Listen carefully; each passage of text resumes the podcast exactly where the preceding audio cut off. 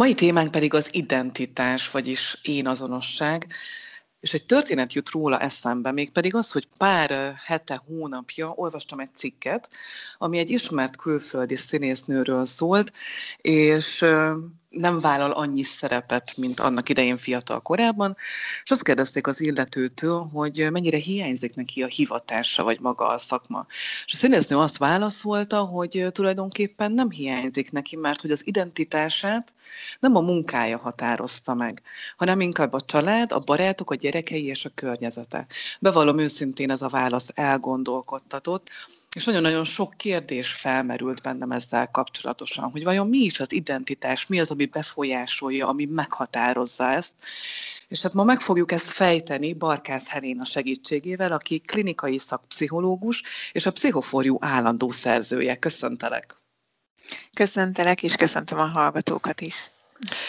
Akkor visszatérve erre a történetre, és hogyha identitásról beszélünk, akkor tulajdonképpen mennyire helyes az a megállapítás, hogy egy színésznek, színésznőnek az életét a munka oly mértékben nem befolyásolja, hogy az identitásának nem része? Ezt most jól látom, vagy itt valami fogalomzavar van esetleg? Hát lehetséges, hogy nem ez a része van most előtérben az életének. Uh-huh. Tehát hogy lehet, hogy ez a rész addig volt az ő identitásában meghatározó, ameddig a többi terület, tehát akár a család, az anyasság, ezek nem tudtak annyira kiteljesedni.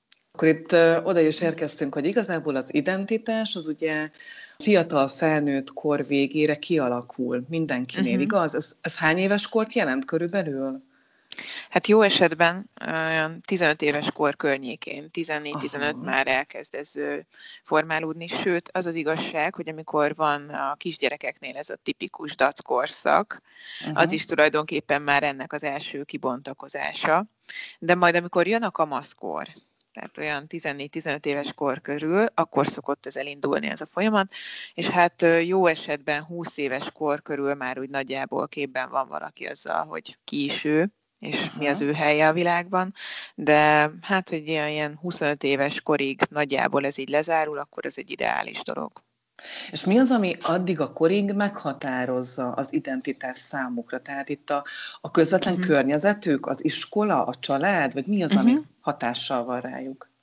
Persze, hát az első szociális közeg az a család, uh-huh. és az, ahogy ott megtanul viszonyulni, ahogy ott kapja a tükröket arról, hogy ő milyen, visszajelzéseket arra vonatkozóan, hogy ő hogyan is néz ki emberileg, lelkileg, bármilyen szinten, addig az a meghatározó.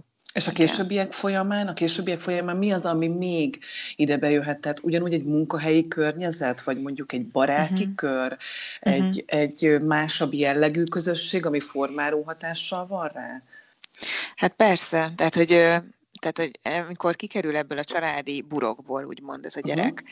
és bekerül egy középiskolába, vagy már ugye a késő általános iskolai évek vége felé, ott már azért elindulnak ezek a kibontakozások, hogy jönnek a kortárs kapcsolatok, a barátság, a szerelem, elkezd randizgatni, és ezek mind-mind így visszajeleznek neki valamit arról, hogy ő milyen, az ő folytonosságáról, a jelenlétéről és akkor ezek is ilyen kis mozaikok az identitáshoz, ezért jó, ha a szülő ebben így engedi egy kicsit a gyerekét. És majd később, tehát ahogy így halad tovább a szocializációs létrán, hogy új közösségbe beilleszkedik egy gimiben, aztán majd később egyetem, főiskola, ha nem az, akkor munkahely. Tehát, hogy mindegyik közegtől kapunk valamiféle visszajelzést arra vonatkozóan, hogy milyenek vagyunk, és mind épít is rajtunk, ad nekünk valamiféle szeletet ahhoz, hogy kicsit jobban megértsük magunkat.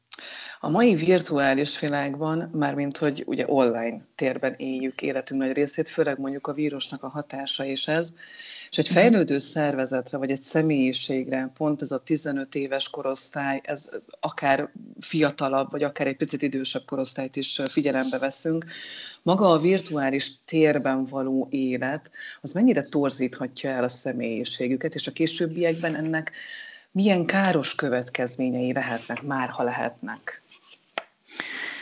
Hát ugye maga az identitás, az, hogyha nagyon tankönyvileg akarok fogalmazni, az arról szólna, hogy azonosulunk az adott történelmi, társadalmi, személyes élettérbeli pozíciónkkal és helyzetünkkel.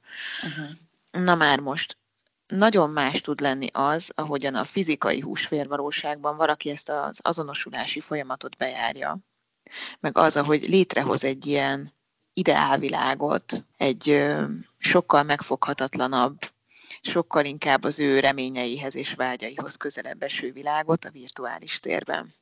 Uh-huh. És hogyha a, az énnek az aktuális állapota tehát a között, amilyen egyébként per pillanat vagyok, meg amilyen szeretnék lenni, hogyha e között egy nagyon nagy szakadék feszül, akkor az azért jelentősen meg fogja nehezíteni azt, hogy ki tudjon alakulni egy stabil identitásérzés. Tehát, hogy megvalósuljon az a fajta meg, hát igaz identitás, hogy megéltem a keresést, választottam, elköteleződtem, megtaláltam a helyem a világban. Na de hogy találom meg úgy a helyem a világban, hogyha a virtuális valóságban valami egészen más szerepet játszom, mint amilyen mhm. valójában vagyok? Van ilyen, hogy az ember uh-huh. megéli az identitás krízist, de bele is ragad, mert hogy nem biztos, hogy el tud ebben így köteleződni. Mi az, amit mondjuk fiatal korban, vagy fiatal felnőtt korban tudunk annak érdekében tenni, akár a szülők, hogy ne alakuljon ki, ahogy te is mondtad, egy ilyen identitáskrízis, mert hogy uh-huh. azt szerintem az elég veszélyes lehet, most az van előttem, hogy van egy gyerek, akinek van egy virtuális identitás, egy avatar, meg egy egy, uh-huh. hát egy offline identitása, és mondjuk a virtuális uh-huh. világban megéli azt is, hogy valakit bánt, bánthat esetleg uh-huh. olyan téren, hogy az annak halál a, a, a kimenetele. Tehát mi, uh-huh. mire, mire tud a szülő figyelni, vagy mire érdemes figyelni ilyenkor? Én mindig azt gondolom, hogy a látott minta a legerősebb dolog. Uh-huh. Tehát, hogy egyrészt, hogy a, abban a családi közegben, az ő szocializációs közegében maguk a szülők hogyan vannak a saját identitásukkal, hogy ők azt helyre tették-e, hogy szoktak-e beszélgetni, hogy van-e, van-e erre mintája annak a gyereknek, hogy egy konfliktus saját magammal szemben, egy, egy elbizonytalanodást hogyan lehet kezelni. Tehát ez már önmagában egy nagyon jó pillér. Uh-huh. Aztán az is nagyon számít, hogy az a család szerkezetileg hogy épül fel. Tehát, hogy egy ilyen nagyon zártan működő család, akik nem nyitnak annyira a külvilág felé, nem mutatnak igazi kapcsolódási mintákat, ez nem fogja segíteni azt a folyamatot, hogy a gyerek ne egy ilyen kontrollálható virtuális valóságba próbálja megtalálni az ő uh-huh. útját és sikerélményeit. Tehát, hogy a másik pedig, hogy engedik-e azt a gyereket felnőni, kamaszodni, elindulni ezen az úton, ahogy az ő identitását keresi. Mert hogy rengeteg szülő megijed attól, hogy Uramisten, ez a gyerek nagyon kamaszodik, elkezdett saját véleménye lenni, elkezdett kritikus lenni felém, uh-huh. na hát ez nekem nem hiányzik, és akkor mindent megpróbálnak, hogy így visszanyomják abba a jól bevált gyermeki szerepbe, ami hát el kell ismerni, hogy sokkal megnyugtatóbb, uh-huh. mint egy lázadó kamaszt kezelni.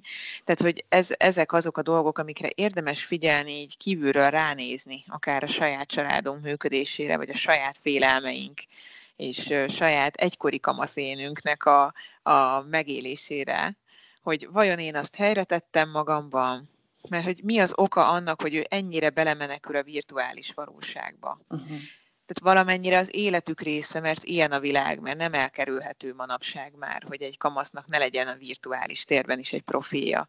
Csak az a nem mindegy, hogy az mennyire van átfedésben azzal, amilyen ő valójában. Tehát ez szerintem sokszor erről is szól az, hogy ők például ezekbe a számítógépes játékokba belemenekülnek, ami kiváló gyilkost képez egy, uh-huh. egy gyerekből, mert tényleg olyan reflexeket fejleszt, hogy hihetetlen, tehát hogy, hogy ott ő megér egy sikerességet, egy kontrollt, ő dönti el onnantól kezdve, hogy bekapcsolom-e a gépet, vagy nem. Tehát uh-huh. minden az ő kezében van, míg ha ő lehet, hogy elmegy az iskolába, ott lehet, hogy egy perifériás gyerek, sokkal kevesebb beleszólása van az élete alakulásába, sokkal több támadás éri, tehát ez az egy felület talán az, ahol ő sikeresnek éri meg önmagát kiragadnék csak egy dolgot, így felnőtt kor például, uh-huh. és hogy ott is érdemes azzal foglalkozzunk, hogy mit hoztunk mondjuk magunkkal, és uh-huh. arról is beszéltünk, hogy még felnőtt korban is igazából az identitás, hiába, hogy 25 éves korra kialakul, de változik különböző uh-huh. hatásokra van-e mhm. olyan, vagy előfordulhat-e olyan, hogy egy olyan esemény hatására, ami akár egy tragédia például, valakinek az identitása mondjuk 180 fokot fordul. Létezik ilyen? Vagy létezhet ilyen? Attól függ, hogy milyen mértékű ez a tragédia, őt hogyan érinti. Tehát uh-huh. akár egy olyan, hogy most például arra gondolok, hogy a testi integritása megsérül, például lebénul, vagy, vagy az egyik végtagját nem tudja már úgy használni, mint korábban. Ez, ez, uh-huh. ez egy óriási nagy törés. Az uh-huh. egész testkép megváltozik onnantól kezdve.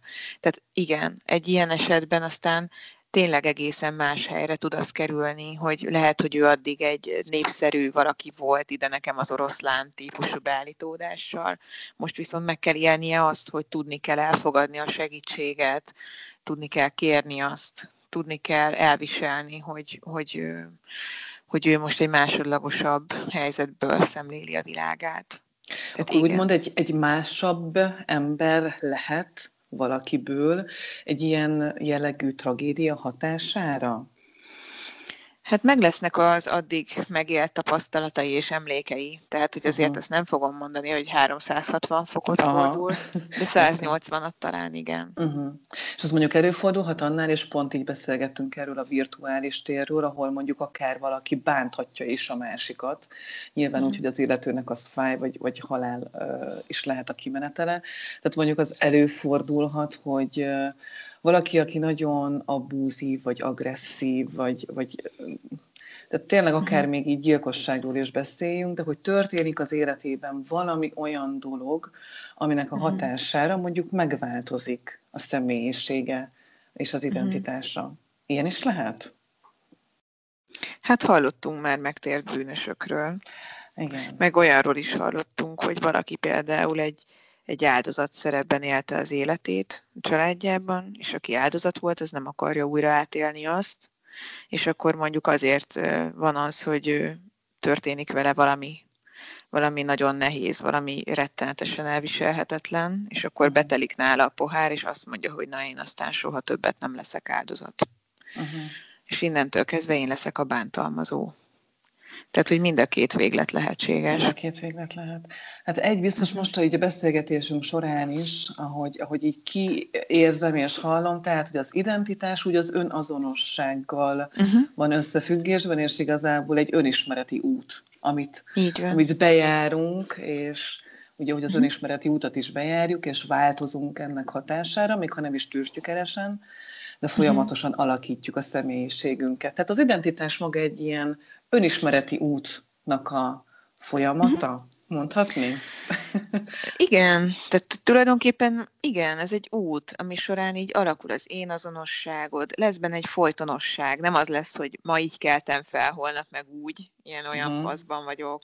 Lesz egy koherencia érzetünk, megszilárdul az identitás, úgymond, tehát hogy egy stabil értékrendszer kialakul. Uh-huh. Nagyon szépen köszönöm Barkász Helénának, aki klinikai szakpszichológus és a Pszichoforjú állandó szerzője, hogy itt volt ma velünk. Köszönöm szépen, további sok sikert, jó munkát! Köszönöm szépen, minden jót!